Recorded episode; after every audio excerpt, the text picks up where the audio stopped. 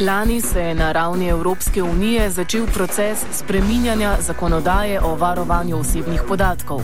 Potrebo po reformi so med drugim sprožila tudi že nekaj časa prisotna internetna socialna omrežja, ki lahko osebne podatke uporabnikov uporabljajo za komercialne, pa tudi za bolj politično usmerjene namene. Do nje sodobna podjetja virtualnih okolij seveda nimajo posebnih afinitet.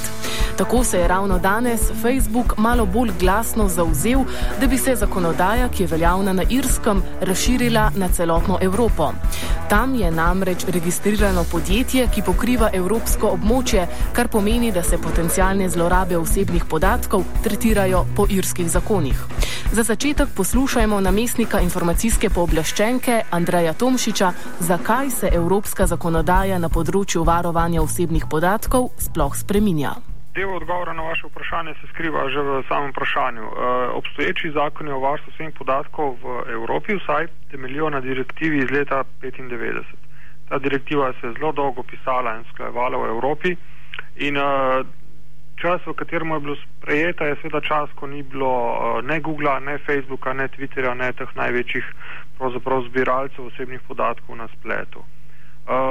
To seveda pomeni, da verjetno vse te izzive, ki jih to vrstna obdelava podatkov prinaša, sploh ni uspela primerno obravnavati in postaviti recimo pravila za obdelavo teh podatkov.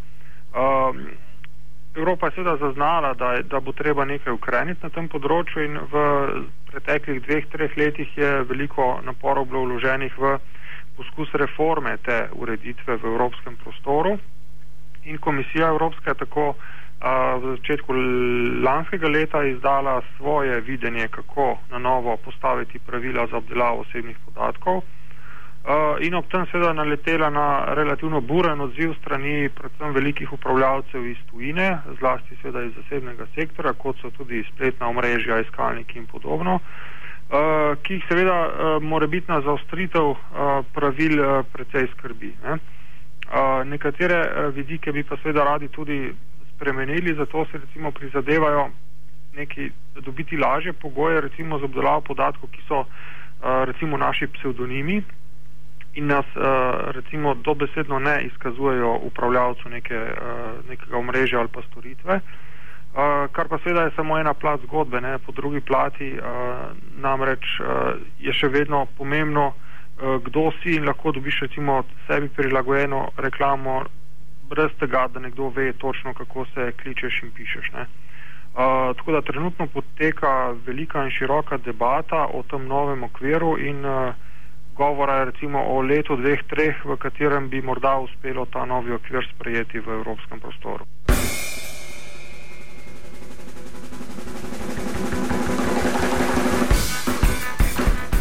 Tako določeni evropski poslanci kot sam Facebook hoče uveljaviti tako imenovan princip One Stop Shop. Facebook želi predvsem, da bi se irska zakonodaja razširila na celotno Evropsko unijo. Tomšič nam pojasni, kaj sploh pomeni One Stop Shop princip. Ta pristop uh, One Stop Shop je mišljen uh, oziroma naslavlja en, enega bistvenih problemov obstoječe zakonodaje in to je zelo široka razdrobljenost.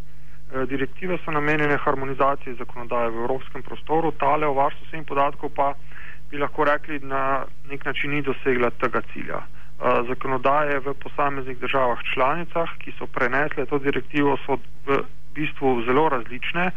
Osnovne koncepte imajo še recimo približno enake, potem se pa začnejo kar velike razlike.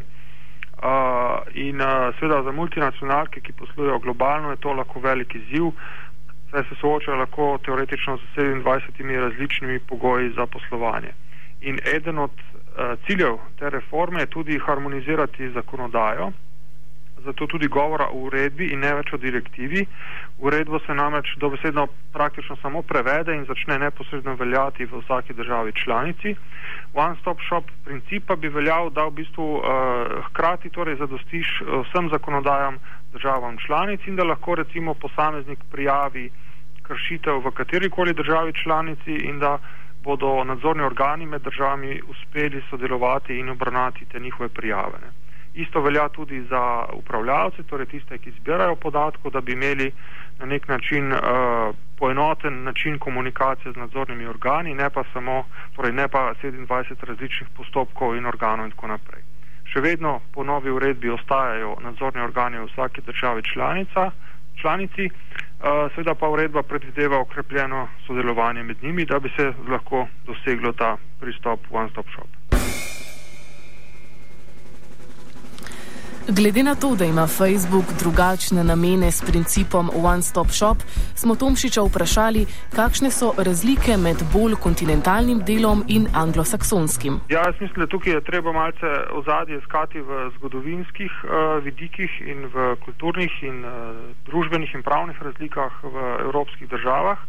Uh, Na področju varstva svojih podatkov se precej izrazito kažejo različne, različni pristopi. Bom rekel, en je tale anglosaksonski, kjer bi šteli uh, Anglijo in recimo Irsko, ki so zelo blizu ameriškemu dojemanju koncepta varstva osebnih podatkov, uh, predvsej z vidika, uh, bom rekel, dobrine, ki jo lahko kupiš, prodaš in z njo naprej upravljaš.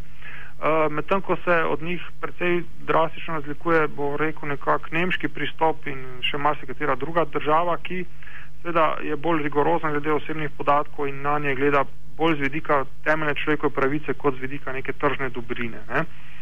Uh, in uh, če verjetno poskušam uh, poiskati ozadje za tele članke strani Facebooka, je ravno to, da bi morda za enotno, enotnimi pravili v Evropski uniji na nek način postavili više pogoje in samo dojemanje uh, varstva svojih podatkov, kot trenutno velja recimo po jerski zakonodaji, ki je kot rečeno nekoliko bolj mila, nekoliko bolj, uh, uh, bom rekel, prilagodljiva interesom predvsem zasebnega sektora kot neka bolj kontinentalna uh, zakonodaja in tudi uh, družbene norme in tako naprej. Lobisti Facebooka govorijo, da bi bolj rigorozna zakonodaja zmanjšala komercialne zmožnosti podjetja. Lenard Kučič je drugačnega mnenja. To je strašenje njegovih lobistov, recimo, zaradi tega, ker no, tukaj je vprašanje zelo tako nam obstajajo radikalno različna mnen, mnenja o tem, ker za Evropsko komisijo, ki je začela to pobudo ne par let nazaj, so nekako izhajali iz tega, da imamo mi kot uporabniki absolutno zagotovljene določene pravice, ki jih ponudniki spletnih vsebin kršijo. Recimo pravico do izbrisa lastnih podatkov, pravico do tega, da točno veš, kdaj te kdo sledi, pravico do tega, da točno veš, kdaj kdo zbira podatke zahtevek po tem, da kdo zbira podatke, pridobi tvoj soglasje, preden to počne in, in tako naprej. No. Pač, da te pravice so nam po evropski zakonodaji in kot potrošnikom in kot državljanom zagotovljene in da ni nobenega razloga, zakaj jih pa veliki ponudniki spletnih vsebin ne bi spoštovali, ker jih pač niso. A, vprašanje je pa seveda, na kakšen način to z regulacijo učinkovito dosežeti. In a, a so te predlogi Evropske komisije, ki zahtevajo recimo, naše soglasje pri uporabi piškotkov oglasnih, pa kupenih takih obveznosti, ki bi jih morali upoštevati ponudniki storitev realni ali niso. Zdaj, njihovi lobisti bodo seveda rekli, da niso realni, da niso tehnično možni, da bi na ta način ogromno zanimivih in uporabnih funkcionalnosti izgubili. Komisija bo rekla, to so pa zgovori, to je tehnično možno, samo uh, vola mora biti in zdaj smo nekako nekje na tem.